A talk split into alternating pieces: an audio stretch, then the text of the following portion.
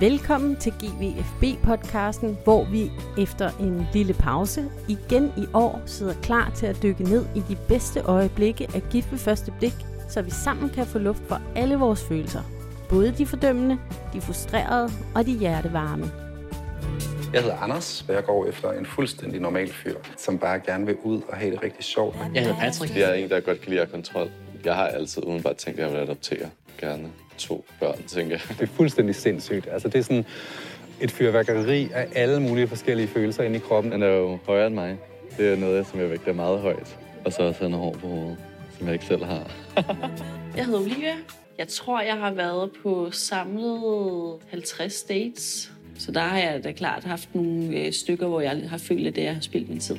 Jeg vil gerne være ham, der kan stoles på, og den irriterende type, der rejser cykler op, der er væltet og samler affald op. Og etnologen snakkede meget sådan, hun mente, jeg havde sådan lidt et helte, heltekompleks. Øh, og det kunne da godt have ret i. Sæsonens første afsnit byder på to bryllupper, men tre brudgomme. Et tjekket bypar slår sig løs til Robins toner og let opdaterede bryllupstraditioner, mens en nørdet held eller heldemodig nørd modtager sin pigede prinsesse med beroligende øjenkontakt, kiksede småjokes og overraskende gode kys. Men kan to indretningsentusiaster blive enige om, hvor skabet skal stå? Vil du helst på 50 første dates eller blive gift ved første blik?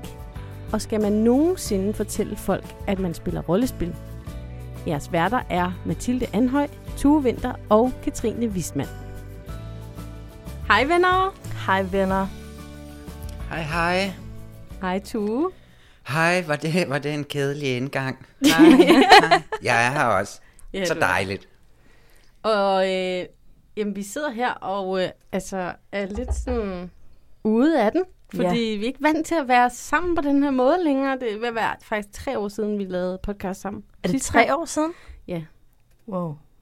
Fordi ja, der har været corona og en masse andre ting. Vi fik jo heller ikke optaget sidste år, vel? Var det der, vi sprang over den her podcast? Vi har jo lavet den nogle gange. Hvor mange gange har vi lavet det her? Vi har faktisk lavet den to gange. Og så har vi holdt To gange. To, tre års pause. Jeg kan ikke regne det ud. Det er også lige meget, jeg ved fordi det det er jo ikke. super Det er kedeligt at tale om. Om tal. Vi er tilbage, det er det vigtigste. ja. Men Tu, kan du ikke altså lige måske starte med at forklare, hvorfor din forbindelse lyder mærkelig? Jo, men ja, ja, det må jeg undskylde på forhånd, men jeg sidder oppe i Norge, oppe i Oslo, hvor at jeg bor, så jeg sidder bare og kigger gennem sådan et lille billede, og så jeg sidder her i mit eget lille studie, og I sidder i jeres lille studie, og så prøver vi at få det til at fungere, fordi at øh, Du er flyttet skulle- til Norge. jeg bor i Norge. Ja. Vi er ikke flyttet. Vi er ikke flyttet. Nej. Vi Nej. bor stadigvæk i, i København. Og ja. øh, jeg skal måske starte med at sige noget, der er lidt særligt. GVFB starter, og jeg har øh, bryllupsdag i dag, faktisk. What? Har du bryllupsdag i dag? Ja, og jeg har valgt at bruge den sammen med jer. Ej, var det Ej, særligt. tillykke. Jamen tak. Ej, Tillykke med det, det vidste jeg faktisk godt. Hvor er det pinligt, jeg har glemt det igen. Men jeg fik sådan en notifikation i min snap i morges, hvor at jeg optog, at, øh, altså sådan et minde, om at øh, du står og synger til din øh, mand på det tidspunkt. Så så jeg lige din øh, lille øh, sang til brylluppet. Den Hvorfor så jeg sagde i du- morges. hvorfor sagde du ikke tillykke? Tillykke med det. Ved du hvad, det der er ingen, der har sagt tillykke. Tillykke. Nej, tillykke. Det betyder fik ikke noget længere. Folk er ligeglade. ja. De har fået deres bryllupsfest. Prøv lige at høre. Det er så lang tid siden, du blev gift, Katrine. Jeg kan Ja. ikke engang huske, hvornår det var. Ja. Men øh, altså, jeg, jeg, så jeg, jeg er gift på tredje år nu, og øh, det er altså hårdt arbejde. Det er det sgu. Ja, det er ikke en dans på roser. Det kommer vi tilbage til. ja. Nej, øh, det, er, det er dejligt. Det er hårdt arbejde at have en kæreste. Du har jo også udvidet din familie siden sidst. Jeg har fået en baby mere, så jeg har en lille baby på ni måneder derhjemme. Øh, ja, Hvad har du lavet sådan i løbet af sommeren? været Af arbejde? været sammen med mine to øh, børn. Med min Og min mand. arbejde. Arbejde? Jeg har da ikke arbejdet i min sommerferie. Har, har du ikke lavet noget arbejde sådan omkring sommeren? Nå! okay, det er fordi Mathilde sidder og prøver at få mig til at tale om, at vi to har lavet radio sammen. Vi har lavet et øh, program, som du laver på Radio 4, Mm, som det er hedder Vores. Magiske Filmminder om alle mulige forskellige popfilm. Ja, vores magiske filmminder på Radio 4 kan også lyttes som podcast alle steder. Ja. Afsted med jer. Ja. Ej, vi kan ikke sidde her og nævne alt, hvad vi har lavet. Siden, så det Vi har i løbet af sommeren optaget om Pretty Mathilde, Woman, Dirty Dancing. Du skal huske, du skal huske, at folk har tændt podcasten for at høre om gift ved første blik. Ikke? Ja, okay, men så spørg mig, hvad jeg laver for tiden. Nej, jeg vil hellere høre om dit kærlighedsliv. Nå, okay. Jamen, øh, mit kærlighedsliv. Jeg er et rigtig mærkeligt sted. Jeg ved ikke, hvor meget jeg skal gå i dybden, men øh, Ikke meget. jeg er jo ikke en, der begrænser mig, så... Jeg snakkede forleden, min søn er begyndt at tale om, at han vil have søskende, han vil have en baby, og det har ligesom åbnet snakken for mig og min mand, om vi skal have et barn til. Og jeg ved ikke, om, øh, om jeg har lyst til at give afkald på mit fantastiske, sådan, ressourcerige liv, for at skulle gå tilbage i sådan angstfuld depression og stressmode mm. i et til to år. Fordi at øh, det er med ene børn, I ved, hvad man siger, ikke? Ja, at de øh, bliver loco. loco, Ja, loco. og egoistiske røvhuller ja. Og hvad ved jeg. Så det ved jeg Også dem, ikke. der kommer Skal... frem i verden. True. Men skal, skal jeg ikke? Jeg ved ikke, hvad siger I? Hvad stemmer I? Jeg ved godt, hvad du stemmer på, Katrine. Du er bare... Jamen altså, nej, men jeg er faktisk imod at rådgive om den slags. Fordi jeg har lyst til at sige, at øh, det er benhårdt arbejde. Hold kæft, hvor er det hårdt at have to børn. Ej, hvor er det voldsomt. Og Ja. intenst. Og alt, hvad du havde af sådan frie øjeblikke, det er revet væk. Det lyder jo ikke Jeg særlig har det rart. bare- jeg har men det det, bare er så rart på godt. nogle andre niveauer. Jeg har ikke lyst til at, og ligesom... Jeg kan, jeg, nej, jeg kan, ikke, jeg kan ikke rådgive om Hvad siger du, to? Ja eller nej? Nej. Ja. Preach. Kør dit barn op i sådan en skala, hvor at det øh, bliver fuldstændig optaget af sig selv, og så kommer det godt frem i verden på sådan en voldsom måde, vi andre kun kan drømme om. Det er har- allerede er- sket. Kør dit frem, barn frem på sådan en voldsom måde. Ja, det er, det er dagens mit råd. første gode råd. Ja. Jeg ved, Yes. mit råd, jeg havde ikke noget råd. Jeg, jeg, kan, jeg, Nej, du, du nægter at tage stilling. jeg nægter at nudge dig i nogen Ja. retning, for jeg gider heller ikke stå til ansvar for at være sådan... Du ved, jeg kommer løbende. jeg You did this når det to kommer me. til kærester, og når det kommer til børn, så har folk tit rigtig mange sådan holdninger til sådan, om tingene er rigtig hårde, eller rigtig gode, eller vidunderlige. Og så synes jeg tit, man sidder tilbage med sådan en følelse af, hvorfor sagde ingen at, eller hvorfor sagde alle at. Ja. Så derfor kan jeg ikke rigtig... Ja. Mm. Men så er det jo godt, at vi skal snakke om øh, to par i dag, og fem par i alt, hvor at vi kun skal sidde og snakke om folks parforhold. Ja, ja, det- det er nogle vi andre jo. Men de hører det jo aldrig, så det er okay. Hej til jer, der vi lytter med. se. Hej til alle. Ja, og altså hej til Men- alle dejlige lytter. Ja. Det er så skønt at lave podcast igen. Ej, og må jeg lige sige en ting? Ja. Tak til alle jer, der har skrevet, sådan, at I var så glade for, at vi laver podcast igen i år. Jeg bliver virkelig sådan... Vi har fået så mange dejlige, søde mails. Ja, Og beskeder. tak for dem. Og emojis. Vi har fået så mange emojis. Så mange klappe emojis og fået så hjerte mange emojis. Rasende emojis. ja. Nå, men hvordan kommer vi i gang? Jeg ved ikke, hvordan vi kommer i gang Men med det her show. Hvordan laver man en podcast? Altså, Det er lang tid siden, kan man godt mærke. Øhm, dagens afsnit er første afsnit i den her sæson af Gift for første blik. yes. Og første afsnit er jo altid, medmindre det er det amerikanske, hvor der er fem opvarmningsafsnit i udvælgelsesprocessen. I det danske, sådan lidt mere integritetsagtige øh, show, der er det første afsnit hvileserne. Plus at det er heller ikke styret af, at de skal kunne lægge så mange reklamepauser ind som overhovedet muligt. Så vi kommer lige til sagen, ikke? Ja. Det er dejligt. Vi skal ikke igennem hele den der magic-proces Nej. særlig meget. God gamle Danmark. To par bliver gift. Ja. Hvordan var det for jer? Jamen, det er dejligt at være tilbage. Jeg kan godt mærke, at sådan, jeg, jeg bliver glad, der, jeg bliver varm indeni. Jeg er allerede i gang med at være sådan rigtig intrigant inde i min sjæl omkring, hvad folks issues er. Øh, og sidder og gætter på, hvad der kommer til at gå rigtig galt for de her par. Og det er jo ikke en pæn side af mig, men jeg ved bare, at jeg ikke er alene. Du skal ikke sidde og kigge sådan der på mig, Katrine. Nej, altså jeg vil sige, jeg var sådan i begge lejre af sådan, uha, der ligger noget traume lige til højre benet, og så over i den anden lejr, der var sådan, hvorfor har du ingen traumer? Så det glæder jeg mig til at finde ud af. Ja, de har traumer. Altså Jeg har dig lavet en liste over hver deltagers traumer. Hvad siger du? Jamen, jeg spørger bare om det. Altså, har du traumer selv, som du oplever igennem Giffe Første Blik her nu? Eller er det sådan på parnes vegne, at du Nej, tænker, hun kommer? Det er men på parens vegne. Altså sådan Ja, det der med, nå, at nå, når man godt, godt. fornemmer deres traumer, så kan man allerede godt begynde at fornemme, sådan, om de har daddy issues, eller sådan trust ja, issues, ja. eller...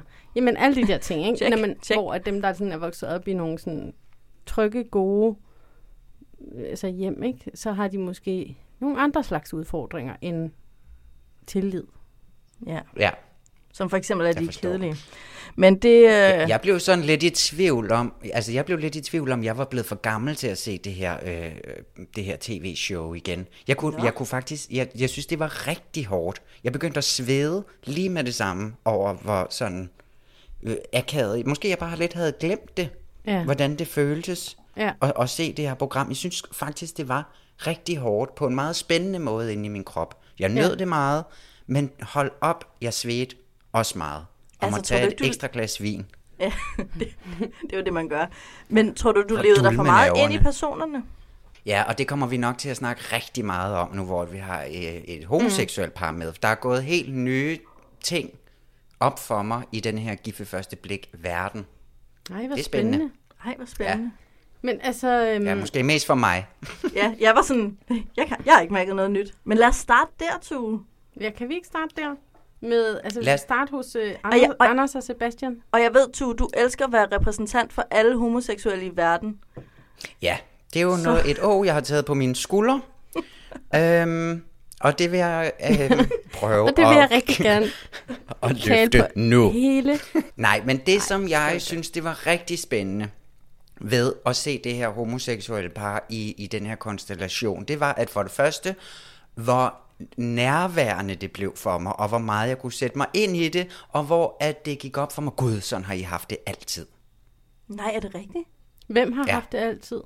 Tue? I to og resten af menneskerne, der har siddet og, og set, set det. de her programmer med, øh, med heteroseksuelle problemer, og heteroseksuelle dynamikker, og heteroseksuelle sådan, øh, øh, måder at blive fremstillet på, hvor at jeg tænkte, okay, jeg læser de her to personer på en helt anden måde, meget mere nærværende, meget mere sådan... Øh, øh, jeg dømmer dem meget hurtigere, fordi jeg føler, at vi tænker det samme i, og altså, Det var spændende. det Ej, var, hvor meget, meget, det var meget spændende for mig, synes jeg. Jamen, har du bare hele tiden siddet og set heteroseksuelle mennesker som papfigurer, eller hvad? Jamen, jeg Ja, kan, lidt. Hvor er det fedt. Men jeg kan godt følge dig i, at man dømmer folk, man identificerer sig med, altså hårdere, fordi man bedre ligesom kan sætte sig ind i sådan, hvorfor gør du ikke bare, mm. altså sådan, Det er jo også derfor, kvinder er kvinder. Men, men man bliver også meget mere investeret i det. Altså det, det kunne, var måske også det, jeg kunne mærke, at gud, det her, det kunne lige så godt være mig. Ja, hele den her repræsentation jo, ikke? Det er jo Mhm. det, som er så skønt, men så skal vi måske også lidt vende tilbage til, øh, hvordan DR så har valgt at repræsentere de her to øh, skønne homoseksuelle mænd. Men skal vi ikke lige prøve at vende lidt bort fra sådan den, og så prøve at snakke lidt om parret, uden Jo. at snakke for meget Jo, jo, om, jo. om, om, om køn Om dig. lige nu.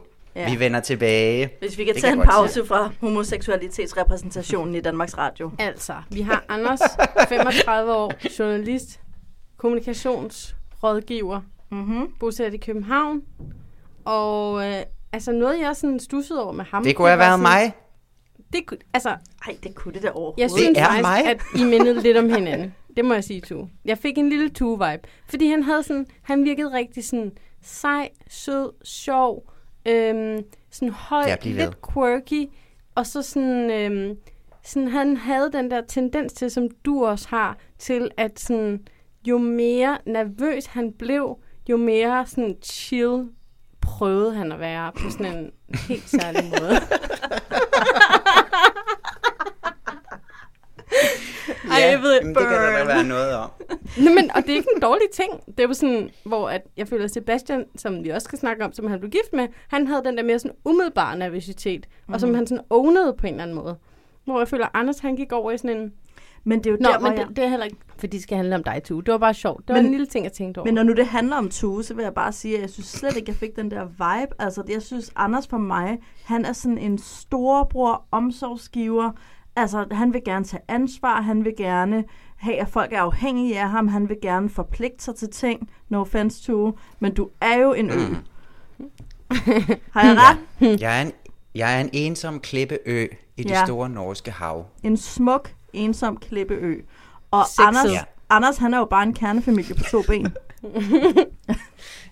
ja, det er han jo. Det er i hvert fald det, som han bliver fremstillet utrolig meget som, som det er. Ikke det her, det er det mest almindelige menneske, I nogensinde har set. Ja. Altså, det, Det er var- den vibe, jeg får fra det her. Og det var Præcis. også det, han sagde i forhold til der. Det tænkte jeg over, da han snakkede om, sådan, hvad han håbede, han ville møde, når han kom ned. Eller altså der Mhm. til hvilsen, at han håbede, han ville møde en sådan sød, åben, smilende person, som bare var helt almindelig. Hvor jeg bare tænkte sådan, ja. helt almindelig? Altså sådan, hvad ligger der i, at man håber, at der står en, der er helt almindelig? Så har man bare været sammen med nogle rigtige freaks. Og så er man sådan, please, der står en normal person. Please, dear Men- God. Det kender Men jeg. det var meget slående, hvor meget, at der skulle lægges vægt på, hvor helt almindelige de begge to var. Og især ham, Anders, der. Ja. Altså, de kunne ikke være mere almindelige, at vi skulle med hjem og se deres almindelige opvækst, og vi skulle høre dem synge almindelige, øh, sådan lidt prullede sange i bilen. Vi skulle høre, de begge to elskede fodbold. Vi skulle, altså almindelig, almindelig, almindelig. Og han Og hvor at man jo glimmer. så ellers... Han kunne ikke lide glimmer, som... Det, ja, det, jo skal også vi fair også nok. snakke Ja, men Altså, samtidig var han sådan, ja, og det kan være svært at date i homomiljøet, når man ikke kan lide glimmer. Ja, Ja, præcis, det skal ja. vi, ja. Og det var også vigtigt at få med, fordi han var helt, helt, helt almindelig. almindelig, Altså, Og hvor er det jo med det heteroseksuelle par, som vi jo selvfølgelig vender tilbage til, altså der handler det jo meget mere om at gøre dem sådan, altså prøve at grave det frem, der faktisk siger noget om dem, ikke? Som Ja, er der lidt skiller altså, ud fra mængden, Ja. ja. men det er jo også fordi, at, at det heteroseksuelle par i den her sammenhæng var virkelig almindelige på en eller anden måde. Altså traditionelt. Jamen alle folk er jo helt almindelige. Hvad er det? Det kan jeg vi også snakke om. mig ikke Hvad- almindelig, jeg er ikke to. Tue, synes du, Tue, synes du, at det var sådan, som om, at, at, sådan, at han kørte det op med almindelig, eller at DR kørte det op med at være så almindelig? Begge ting. Og så tror jeg måske, at, øh, altså, at DR de også nemlig har valgt måske meget at klippe det efter for alle de steder med, ikke? hvor at han er helt almindelig. Ligesom alle mennesker er, også glemmer bøsser, skulle jeg mm. sige. Mm. Altså, det er jo ikke det, det handler Ej, om. de er Og helt det blev vildt jeg, ualmindelige. Ja, præcis. Præcis. Det var meget vigtigt at få på plads, at det er i hvert fald ikke sådan nogen, vi har med at gøre her. Nej. Det her, det er almindelige mennesker i Ja. mørkt tøj. Ja, det bliver meget sådan, øh, nærmest sådan en folkeskolelærer, der skal fortælle den store danske elevbefolkning, at det er helt almindelige mennesker, det her. Ja. Ja. Bare roligt. Ja, præcis. Præcis. Ja. Nå, Det kunne jeg godt men- blive lidt træt af. det kunne du godt blive lidt træt af, ja. Det bliver spændende, om der sådan kommer lidt mere sådan craziness og ualmindelighed ind i det. Ja. Altså på den anden side, så har vi jo Sebastian, ikke? Mhm. Mm-hmm. som er projektleder, ingeniør, et eller andet inden for noget vej og Busk. busk. cykelstier. Cykelsti.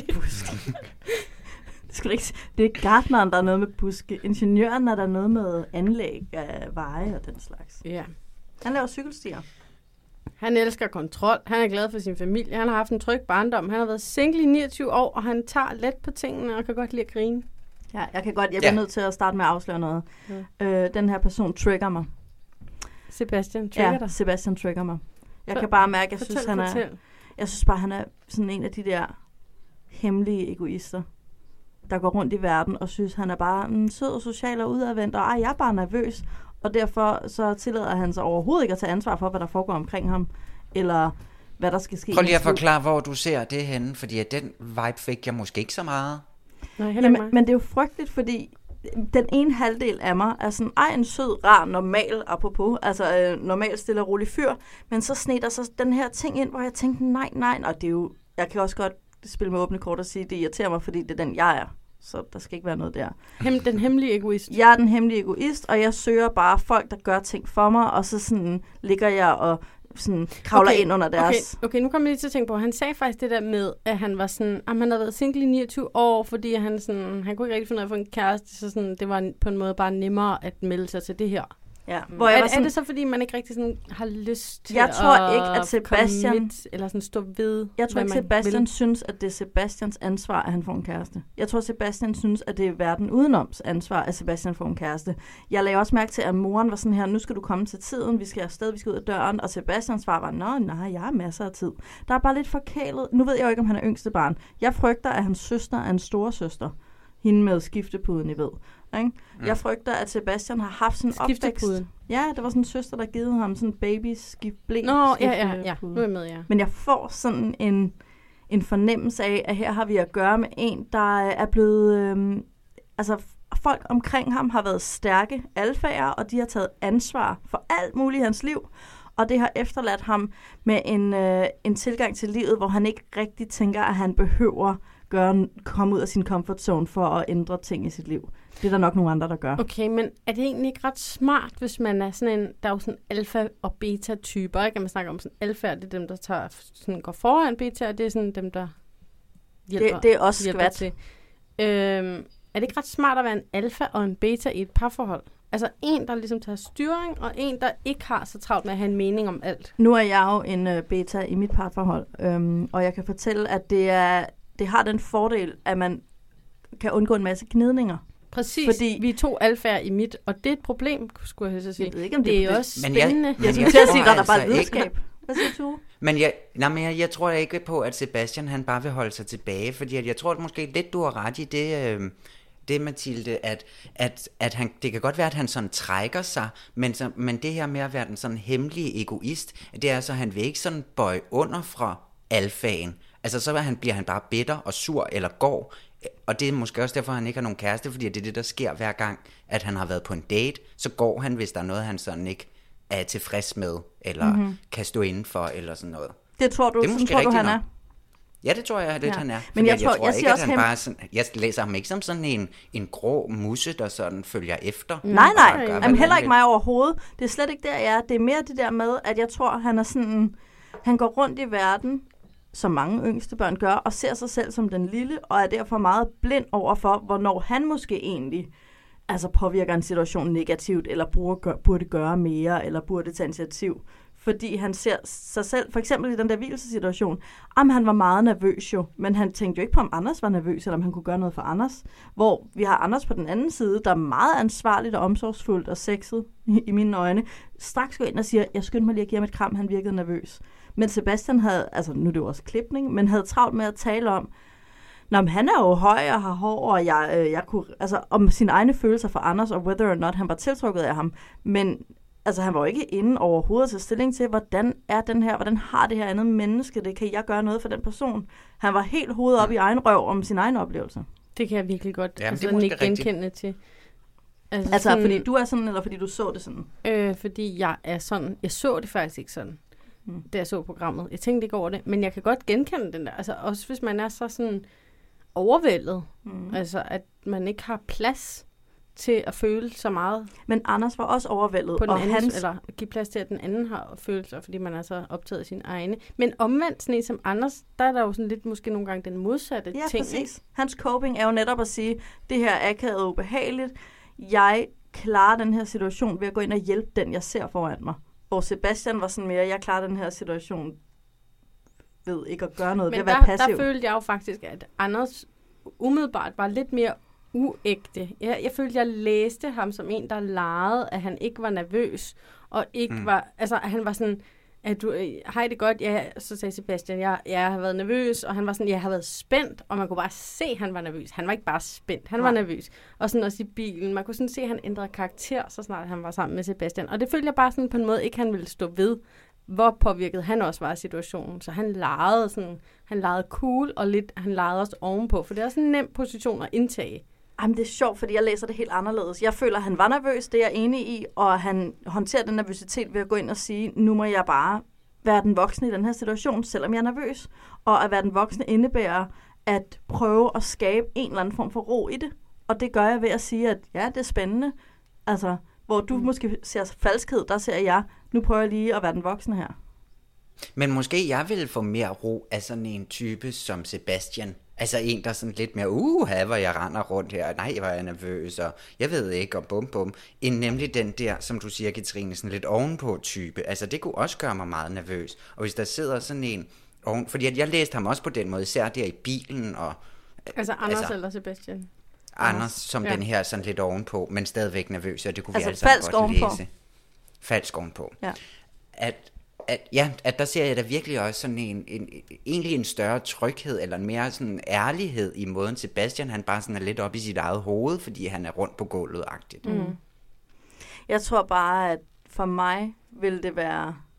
Altså, når der er en, der tager rollen som den voksne, så bliver jeg bare så glad. Og så tænker jeg, der går jeg hen. Mm. Det, men, ja, ja, men det skal stadigvæk virke ægte, og det, og det tror jeg nemlig ikke helt, at jeg synes, at det gjorde med... Jeg øh, købte den. Altså, jeg lagde ikke rigtig mærke til, at han var nervøs.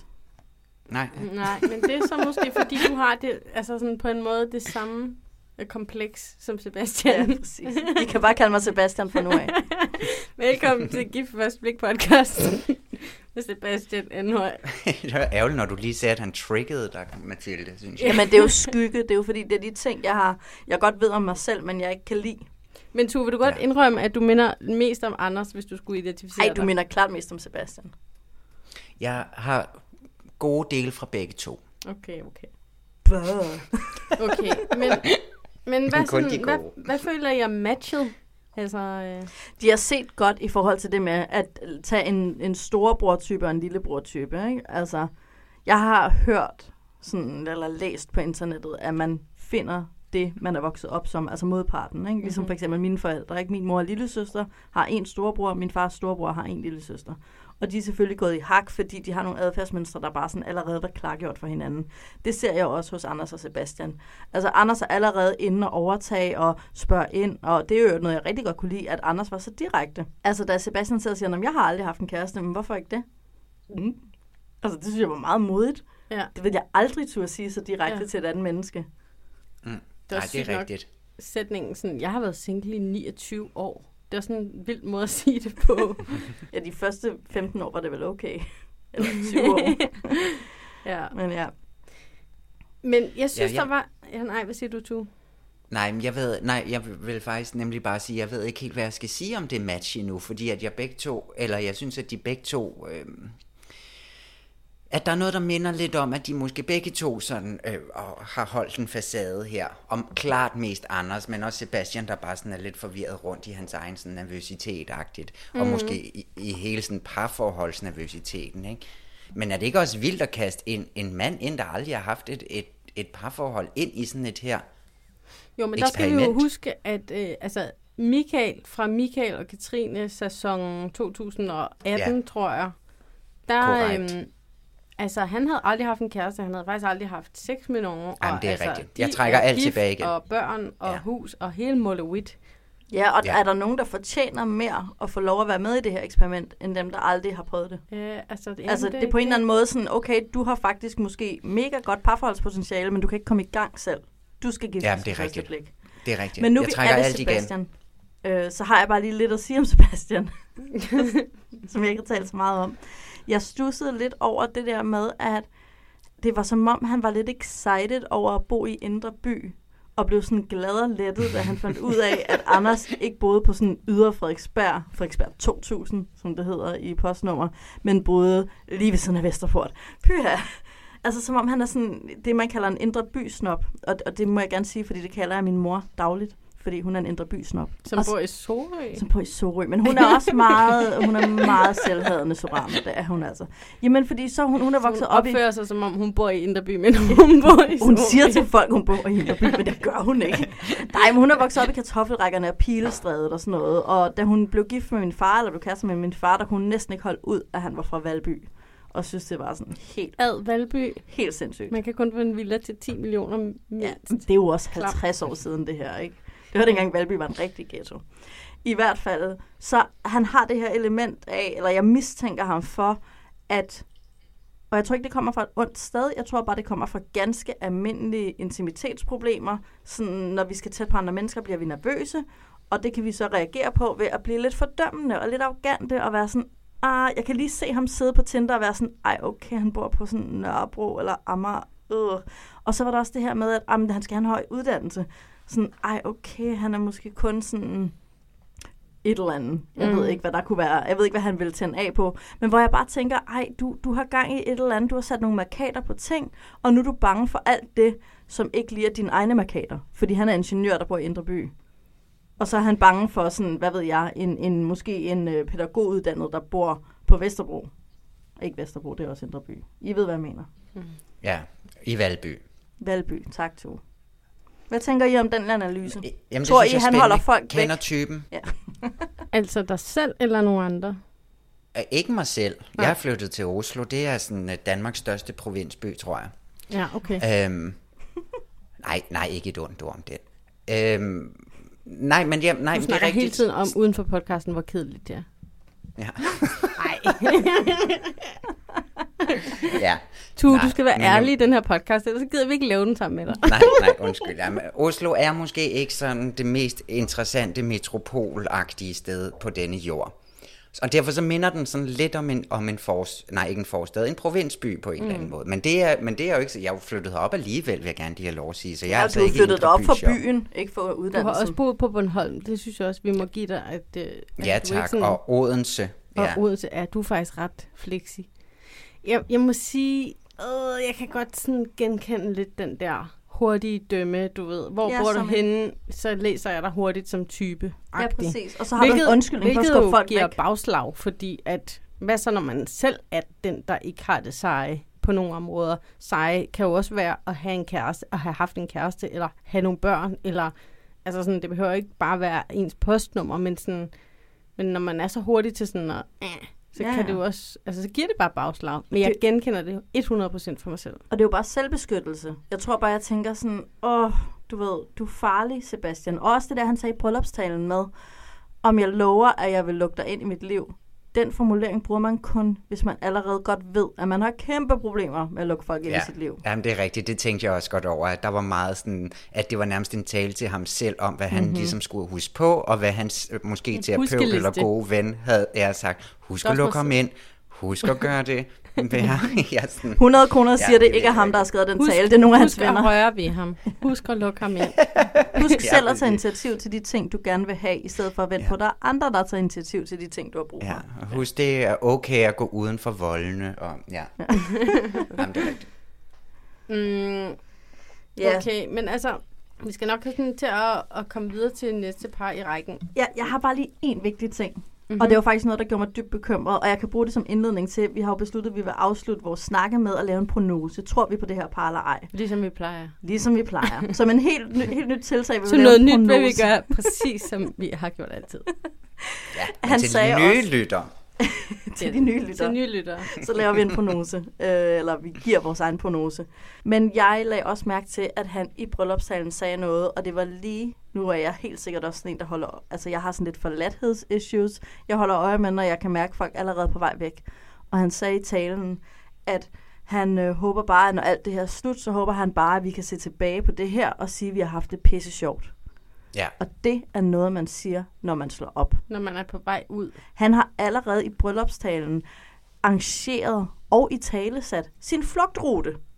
Altså Ja. mine abandonment ja. issues bimler og bamler lige nu.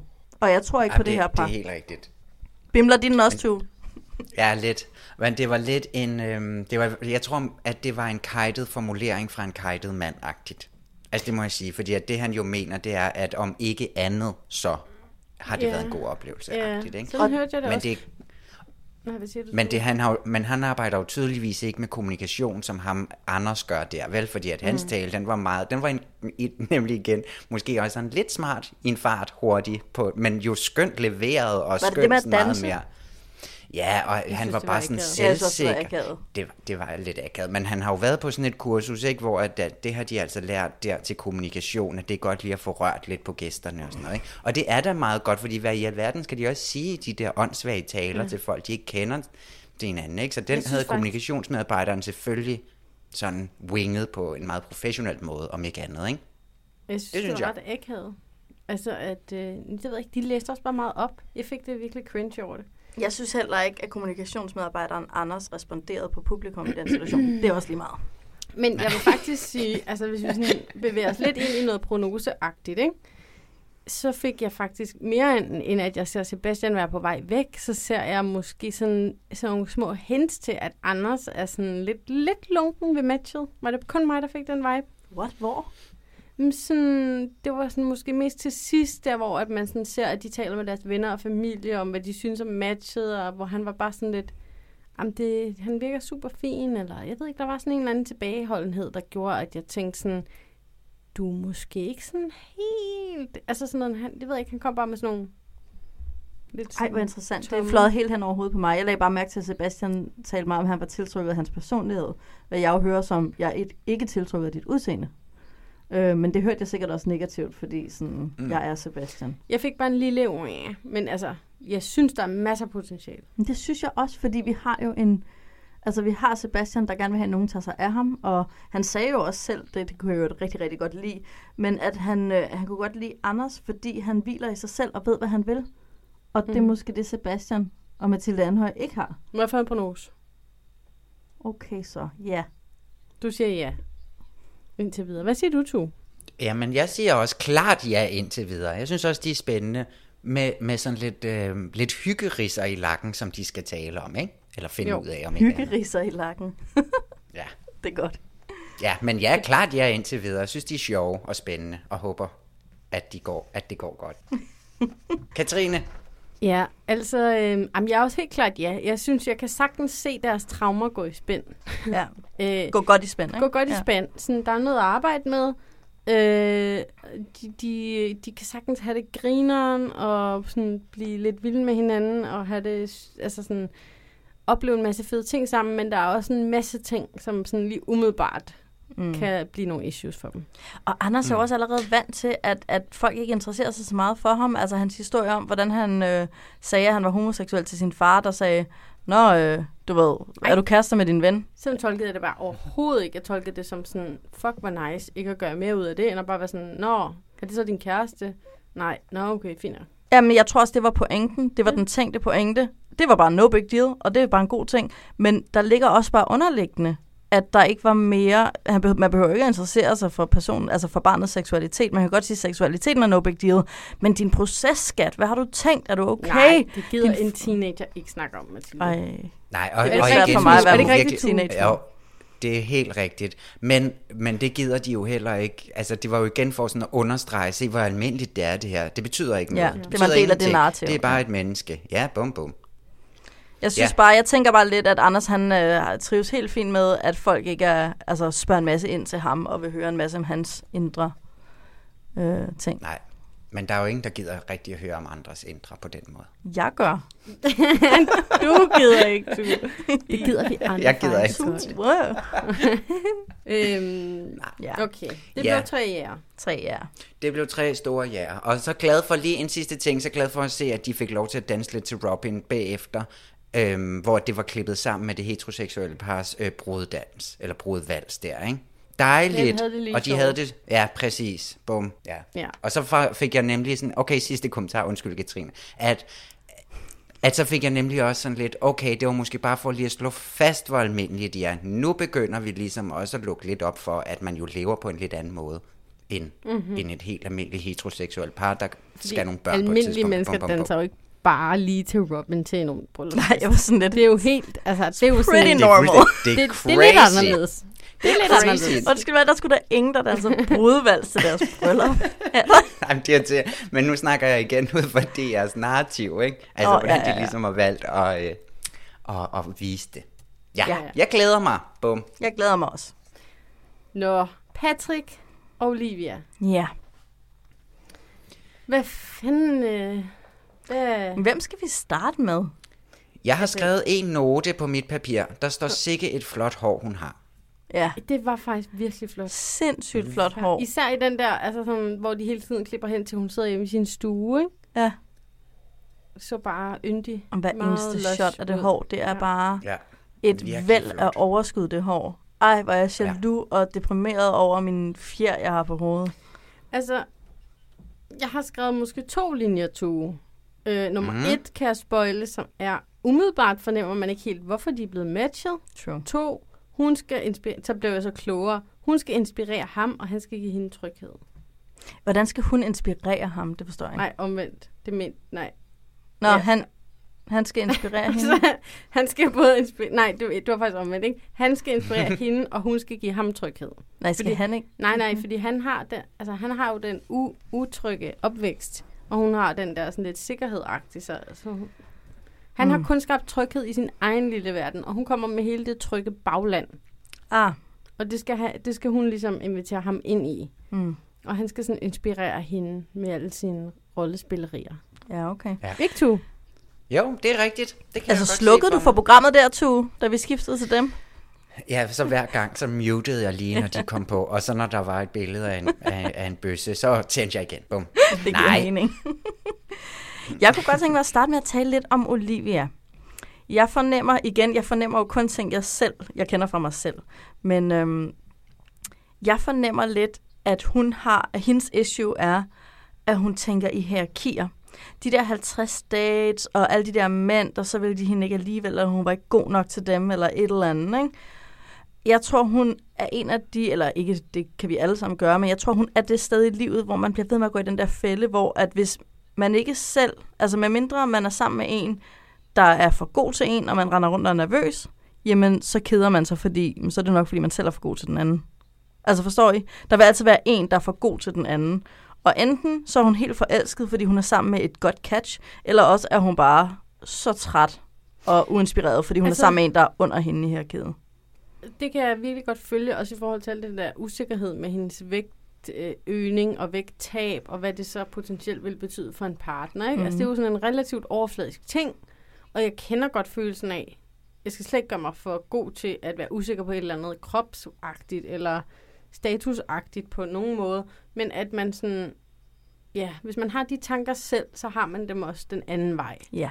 Det, det, det kender jeg virkelig godt. Ja, og vi har dem alle sammen. Det er mere det der med, øh, hvor meget får de lov at fylde? Bliver de det, der afgør vores beslutninger? Og har de sat sig tungt på vores begærsmuskel? Altså, er vi overhovedet i stand til at blive tiltrukket af nogen på en lige måde? Eller skal det altid være det der bedre end...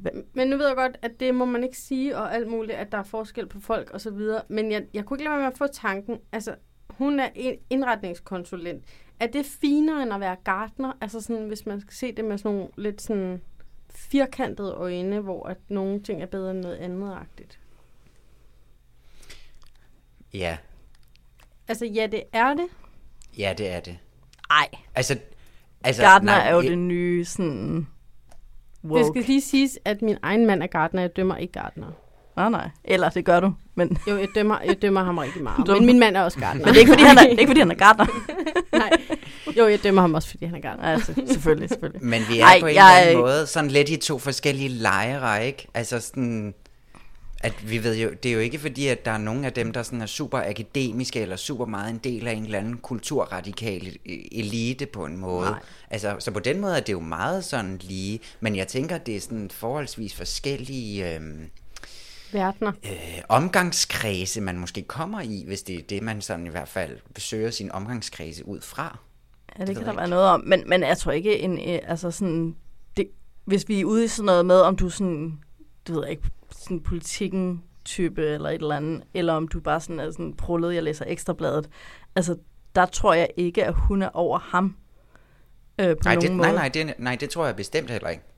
Altså, vi og det i mit... Øh, Ja, jeg forstår godt. Jamen, det var også derfor, jeg blev sådan lidt nysgerrig på det. Måske mest fra hendes synspunkt egentlig. Altså sådan Ja. at gå op i noget, der er sådan en indretning, som er sådan, du ved, æstetik og noget sådan lidt overfladisk, umiddelbart. Altså sådan smukke ting. Ja, men jeg tror, der hvor hun måske er over ham, det er jo, at hun er jo en altså, verdensklasse æstetiker. Altså hun er jo sådan en, der virkelig kanaliserer vær og sjælelighed og åndelighed ud i fysisk udseende. Altså det gør hun med sit eget udseende. Altså hendes øjenbryn er formet på den perfekte måde. Hendes hår har vi allerede talt alt for længe om. Hendes øh, hjem, altså hun er på en eller anden måde, er hun sådan en, me, altså alt i hendes hjerte og sind kommer ud i udseende og ydre, tror jeg. På den måde æstetiker. Altså ikke om hun er god Men eller er- dårlig, eller øh, at dit mm. og datten. Jeg tror bare, at udseende betyder sindssygt meget for hende. Udseende er, er et værelse, udseende er en krop, udseende er anything. Hmm. Det kan jo også være, at hun render rundt og sådan er indretningskonsulent på, når der skal bygges nye kontorer, og det er sådan noget med, hvordan skaber du det bedste indeklima, eller hvordan sådan optimerer du din form for arbejdsmoral øh, i forhold til, hvordan borgerne vender og sådan Nej. Altså det er jo ikke sikkert, at hun render rundt. Det ved Nej. jeg da ikke. Nej, nej, men det tror jeg bare ikke. Jeg tror ikke, hun er sådan en... en sådan det kan jeg bare blankt Nej, afvise. nej det, kan, det kan jeg fuldstændig afvise. Jamen, jeg tror ikke, hun er, hun er jo ikke mindful. Hun er ikke sådan... Altså, det er sådan Men den jeg ser vibe, hende får. altså held, men jeg ser hende heller ikke indrette, jeg får ikke en æstetik af, at hun indretter yards for rige, for rige mænd. Nej, hun sådan. indretter hun er køkkener. Hun Og er hun- ansat i et køkkenfirma. Nå, det er det, hun indretter. Nå, Ja. så, har jeg, så er jeg da tættere på med, ja. med det der med sådan at få styr på noget med, en, øh, med et Nej, for- kontor. Jo, jo, men jeg forstår godt, hvad du mener, men jeg tror bare ikke, at hun er henne i det sinds, eller sådan trivselsagtige. Jeg tror, hun er ude i sådan, hvilke farver, hvilke former, altså hvad ser flot ud. Jeg tror, det hele for hende er ikke, hvordan ting føles, eller hvordan det påvirker min, min, øh, mit sind og min, mit humør. Jeg Mm. tror, hun er meget... Men noget, Olivia sagde, som jeg godt kunne lide, det var, at hun anerkendte sådan... Øh, jeg synes, dating er akavet. Ja. Altså, hun var sådan, jamen, det der, sådan, når man sådan skriver sammen, og inden man mødes, og måske har man sex, og sådan, jeg synes faktisk bare, det er ret akavet. Så bare Ja. var sådan, Så Ja. dejligt. ja, det, Ja. er, det er da sindssygt akavet. Det er super Og så akavet. Ja. sidder man der og dømmer hinanden og forholder sig til, om man kan lide det, man ser, mens man ser det, og man kan jo godt læse sin ans- ansigtsudtryk, eller sådan. Ja. ja det kunne jeg godt. Og der er jo mange, der synes, at det er helt vildt sjovt. Jeg synes også selv, det er helt vildt sjovt at date, fordi man får alle mulige åndssvage oplevelser, som er super akavet eller sådan, ikke? Men man skal ja. Jo nemlig kunne elske det for Ja. det, det er, ikke? Så, så, så det der med, at man bare siger sådan, jamen jeg gider ikke at det- date overhovedet nærmest, fordi at det mm. er så akavet, eller altså... Ja, det det, det, det jeg synes jeg også var virkelig helt vidunderligt. Ja. Jeg tror også, det er sådan, alle har det, eller mange har det, ikke? Jo. Jo, jo, men det er jo akavet, men man, om man så elsker det, det er jo så forskelligt. Jeg synes, det er vildt ja. sjovt at komme på sådan en akavet date. Nej, det kan jeg slet ikke forstå. Derfor Jo, har du bare jo haft den ikke samme kæreste i Det er, 67 år. det er den øh, helt grundlæggende grund til, at jeg er gift. Ja. Det at undgå Ja. det. Men hvad, altså, hvad tænker I om matchet? Altså, øh, er det, er, altså, kan I se sådan... Jamen, problemet er, at jeg, at jeg igen går tilbage til den der gamle traver med, at jeg bliver bekymret for, om der er flere sådan nice kvinder, der melder sig end mænd, og at kvinder så føler sig på en eller anden måde. Altså, jeg tror, jeg på en eller anden måde lever mig ind i Olivias hierarkitænkning, eller måske at digteren har den, fordi jeg har den. Og hun måske kan sidde og tænke, nej, en eller anden weirdo gardener, der bor i kollektiv, og altså også gift for første blik se, jeg har jo ikke gode erfaringer med kollektiv deltagere. Nej. Og, øh, og det kan være, at vi skal bruge det som en bro til at springe hen til. Med mindre, at det var to kollektivister, der fandt hinanden. Ja, måske. Ja. Ja. Men Patrick, altså, der er masser, jeg godt kan lide ved ham, men jeg får med det samme sådan, øh, røde flag. Altså, jeg får sådan advarselssignaler for det her med kollektivet. Og jeg tror faktisk ikke, det var Patrick, der gav mig det, men det var hende der, øh, øh, etnologen. Julia Lame. Ja, ja. Hende, hende der, der er sådan livsstilseksperten. Julia Eller? Lame, ja. Julia Lame. Nej. Anerkend, at jeg kan huske hendes navn. Julia Lame. Ja, ja. Julia Lame, ja, lige præcis. Øhm, hun var sådan, nej, hvor har du et stort værelse. Det er sådan noget, man siger til Og så var det børn. bare verdens mindste værelse. For det første var det mand, verdens mindste værelse, men det er jo sådan noget, man siger til børn. Nå, har du sådan Men jo værelse? altså Hvor er det også lidt som en 13-årig. Er Og det, har du mange bøger? er det helt dit eget værelse, det her? Har du det helt for dig selv? Ja, manden er nogen og... Okay, han er ikke nogen og 30. Jeg er nogen og 30 i. Han Men- var 26. Han er 26, det er fint nok, han bor i kollektiv, men jeg blev bare sådan lidt... Jeg følte, han blev umyndiggjort i det der, og så var der også noget ved indretning på hans værelse, som var lidt ungt. Altså, det var sådan... Lidt Det, ung, det var et altså meget- børneværelse. Klassisk single dude looking. Barn. jamen, jeg siger Nej, også, ikke barn. Et klassisk single dude barn. Det var det, han var. I sin indretning. Jeg vil sige, der, der er ikke langt fra, hvordan at øh, min mands lejlighed så ud, da vi begyndte at være sammen, da han var også omkring 5-26. Altså, men det gør et ikke bedre. En reol. Altså, Ah, men det er også noget Men med han det var der jo lidt- også gartner. Det kan være, det er noget med det. Godt, er det ham? Nej, men det kan da være, at vi skal Nej. lave noget research. Ja, vi laver noget research. Jamen, jeg blev bare sådan lidt, yikes, er du blevet voksen? Øh, Jamen, det er han jo ikke. Han er følelsesmæssigt. 26. Altså, Nå, han er jo ikke blevet så er voksen. du Han blevet, er er du 26 blevet år. 26 voksen? Men må jeg sige noget andet? Mm-hmm. Jeg er meget spændt på, hvad hans issues er. Er I ikke også det? Nej. Altså, Jeg ved, hvad det er. vokset op med alkoholikerforældre. Ja, og det er helt åbenlyst. Altså, hvis vi kan tale om hans Siger jeg, adfærd. fordi jeg er vokset op med en alkoholikerforælder, så jeg føler godt, jeg må kunne I know. den. Nå, jamen det ved lytterne jo ikke. Nej, Nej men jeg mener, sådan, vi ved, hvordan det her er. Men det, der, det, der, det, der øh, får mig til at blive bekymret for ham, det er, han taler også meget om det her med, at han vil bare gerne være en held, og han vil bare gerne være god. Han er ekstremt imødekommende, men han er altså imødekommende på en tenderende underdanig måde. Der er noget i hans kropssprog og mimik, som er øh, diffusing, altså som er konflikten nedtrappende. Altså han møder verden på en sådan... Altså han læner sig lidt tilbage, han bøjer hovedet lidt på skrå, han gør sin krop mindre. Han gør mange ting i sit kropssprog, som viser...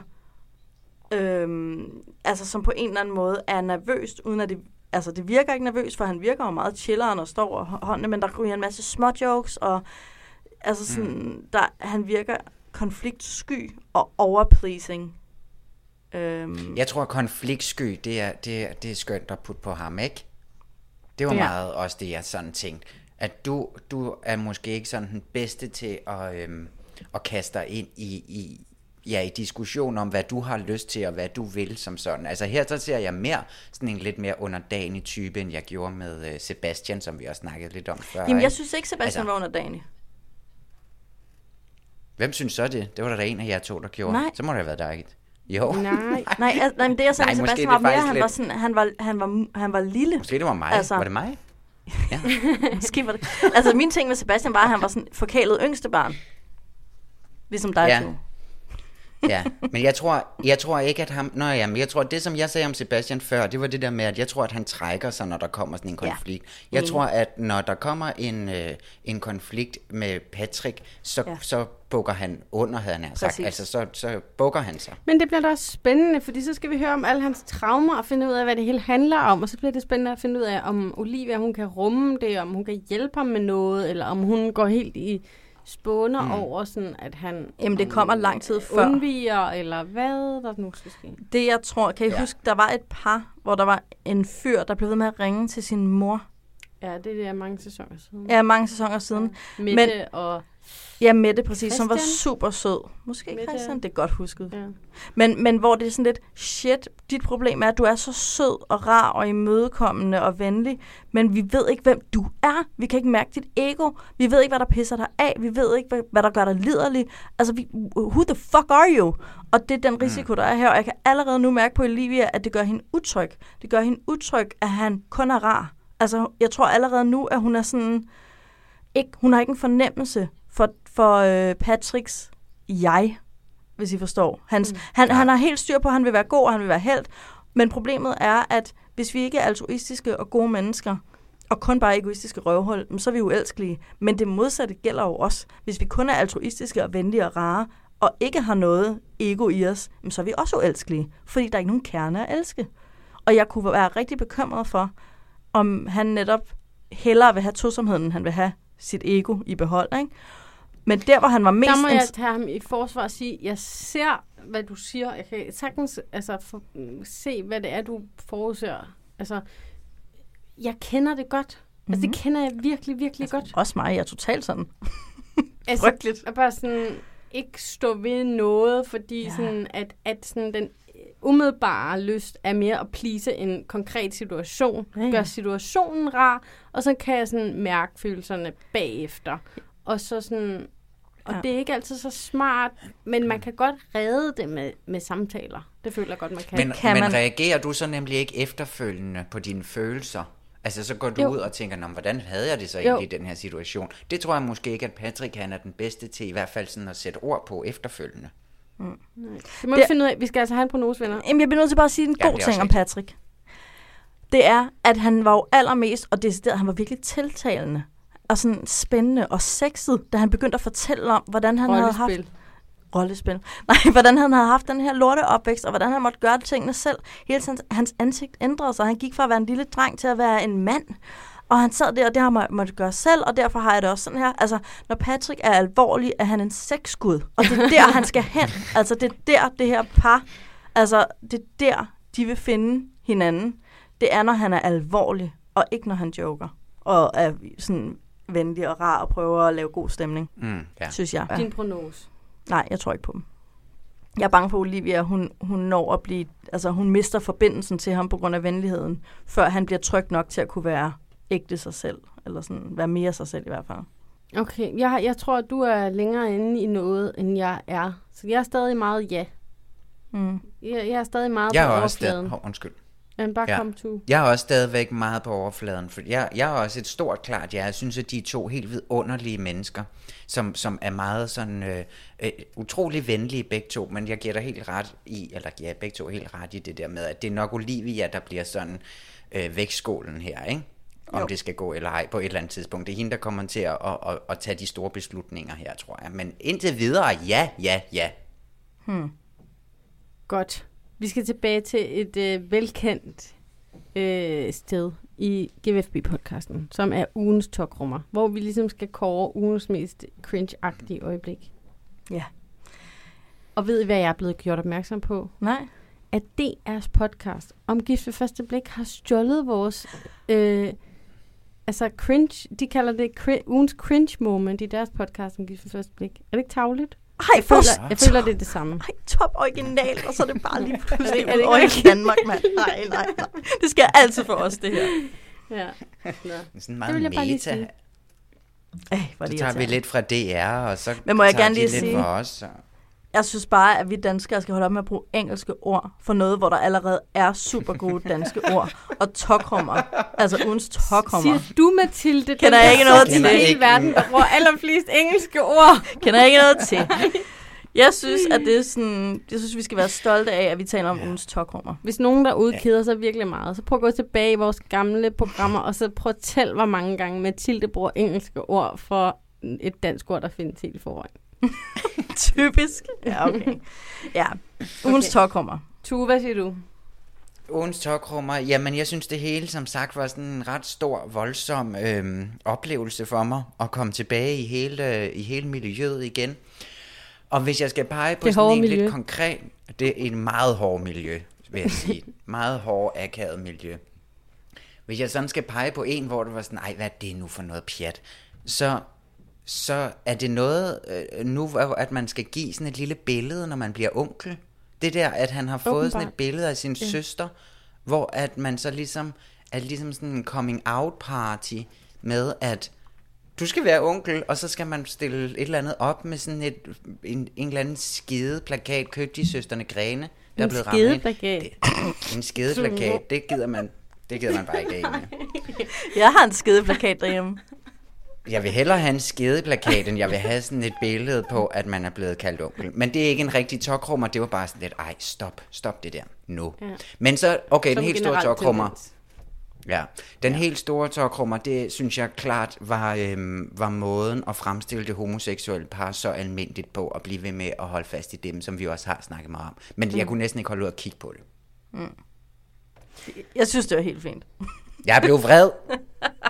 Du, du var helt oppe i det røde felt. Ligesom du Ja, så det var jeg tit virkelig. til. ikke? Du var så ja. sindssygt to med din vrede. Ja. Slap af, mand.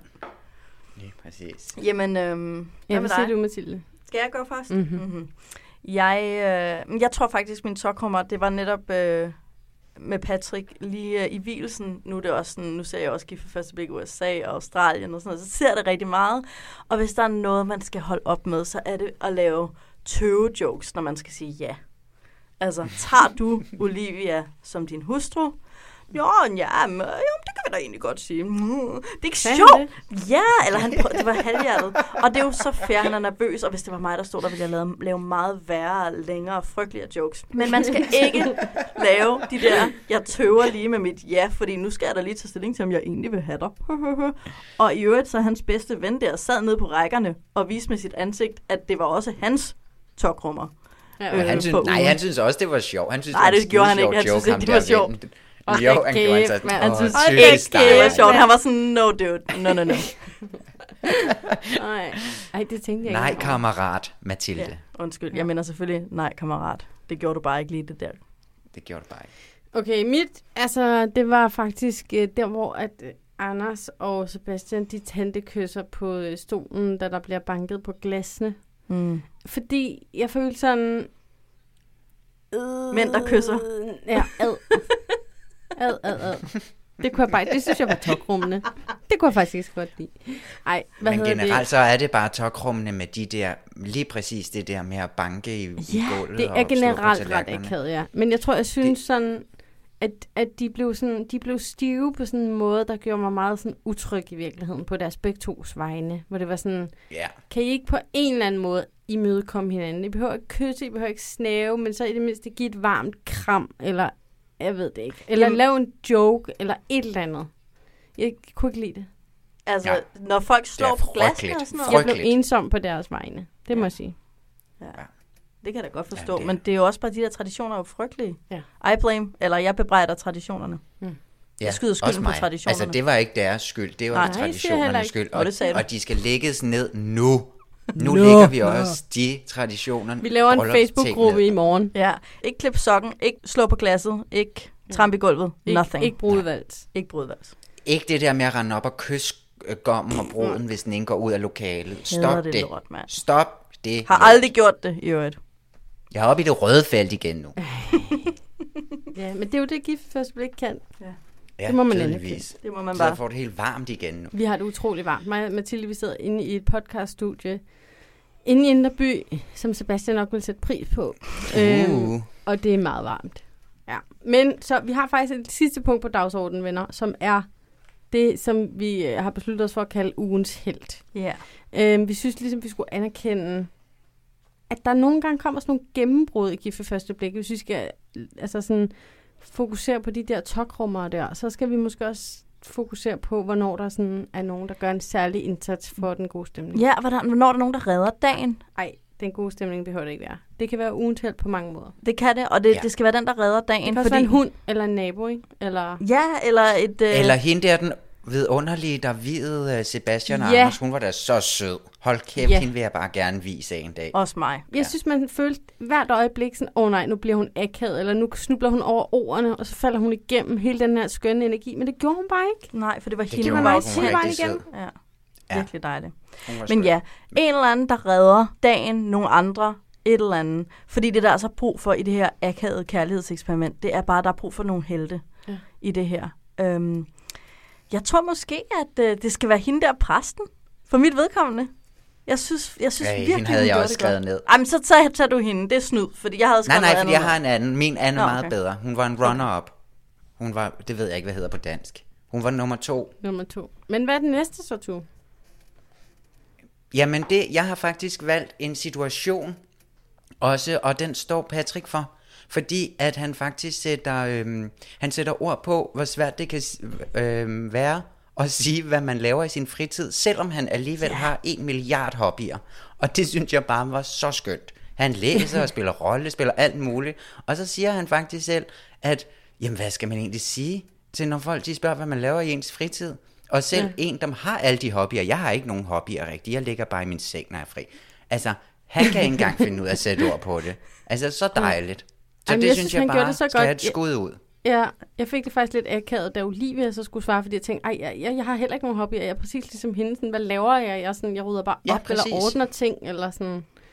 Nej, Jeg, jeg hænger ud med mine venner og sådan noget. Jeg hænger ud med mine venner, ja. Åh, Gud. Ej, men jeg vil altså også sige det, fordi at folk bliver uoriginale af spørgsmål, som de har hørt mange gange. Hvis man stiller det spørgsmål på en anden måde, så vil folk kunne svare nogle meget mere originale og Mm. dybdegående ting. Det er også fordi, vi alle sammen bliver sådan lidt jorden i Hvad forlygterne. på du for? Ja, Hvad kan præcis. få din puls øh, op? Ja, eller- angst, for eksempel. Ja. Altså, det, der er bare jamen, det der med sådan, når, bare, man, var lige det, han skulle spørge sig om. bare man spørger med en Jeg kan få præmis. din Hvornår angst får op. du angst? Ser du mange serier, Katrine? Øh, ja, i perioder. Nej, ikke så meget mere. Mm. Ikke efter, jeg har fået to børn. Men jeg, Se, du jeg, snakker allerede. jeg plejede at se mange serier. Så kan du se, nu snakker du allerede. Bare fordi jeg stillede spørgsmålet bedre. Mm. Men ja, jeg er helt enig. Øh, Patrick, han, øh, han satte virkelig ord på noget, som vi alle sammen ved. Bare sådan, åh, når folk spørger, hvad vi egentlig render rundt og laver i vores fritid, så er man bare sådan, pff, Mm. Ja, ingenting. ikke en Ja. skid. Jeg laver, Ja, jeg laver så, ikke så dejligt. Han, han får øh, min ugens held. Ja, men det gør han altså også for mig. Men jeg er sådan meget ukonkret med den. Jeg følte bare, at han skabte ligesom positive vibes og optimisme, og var god til sådan at få situationen ned med hele sit væsen. Og gjorde hende glad på en måde, som jeg synes var dejligt at se. Ja, Ja. Enig. Patrick er Hørt. held. Enig. Enig, hørt, Så enig. meget. Okay, venner, jeg tror, vi skal til at ligesom, altså bare... øh, Er jeg den eneste, der er super nervøs for to gamle par? Er I næste to uge? Gamle? Og i øvrigt, hvad skal vi kalde... øh. Jeg skulle til at sige, hvad skal vi kalde de gamle par, når vi snart er den samme alder? Ja. Så kalder vi dem de... Modne par. Nej, det har vi gjort, og det, vi kan jo ikke kalde os selv modne.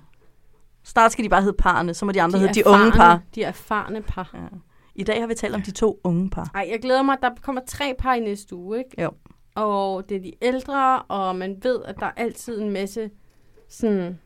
De har ingen, ingen filter, Nej, det er ikke ingen noget filter. filter. men de er meget tydelige omkring, hvad de gerne vil, og hvad de kan, Ja. ikke kan lide. og hvad de synes er ulækkert. Ja, Ja. Ej, ej, det glæder jeg mig simpelthen også sådan til. Rigtig Ej, meget. Også så fordi, at jeg håber, at der kan man ligesom sådan lugte lidt... Der, fordi det er sådan lidt mere vildt og ærligt, så bliver det Ja. ikke helt lige så sådan farligt at kigge på på samme måde. Nej. Det glæder jeg mig til. Ja, Okay, venner. Ja. Skal vi sige, det var det? Det var det. ja, t- ja hvor så hyggeligt at være tilbage og sidde Ja, her og drikke en lille øl. Og... Så varmt. lidt. Sensommeren. Og Ja. det hyggeligt ved Gift første blik er også det her med, at det starter altid i august, og så har man den der sommervibe, men så kommer vi sådan sammen ind i efteråret. Ja, efterhånden som konflikterne opstår, så... Og vi begynder mere og mere at Ja. snakke om sådan regnvejr og kulde og varme trøjer og sådan noget. Det er skide godt. Præcis. Ej, men det er rigtigt. Det er rigtigt. Mm, vi skal men mig ad de næste, par måneder. Ja, og det er så yndigt at føle sig. Præcis. Jamen, øhm, Tue, kan du have det godt op i, op i Norge, der boede Ja, tak. Tue.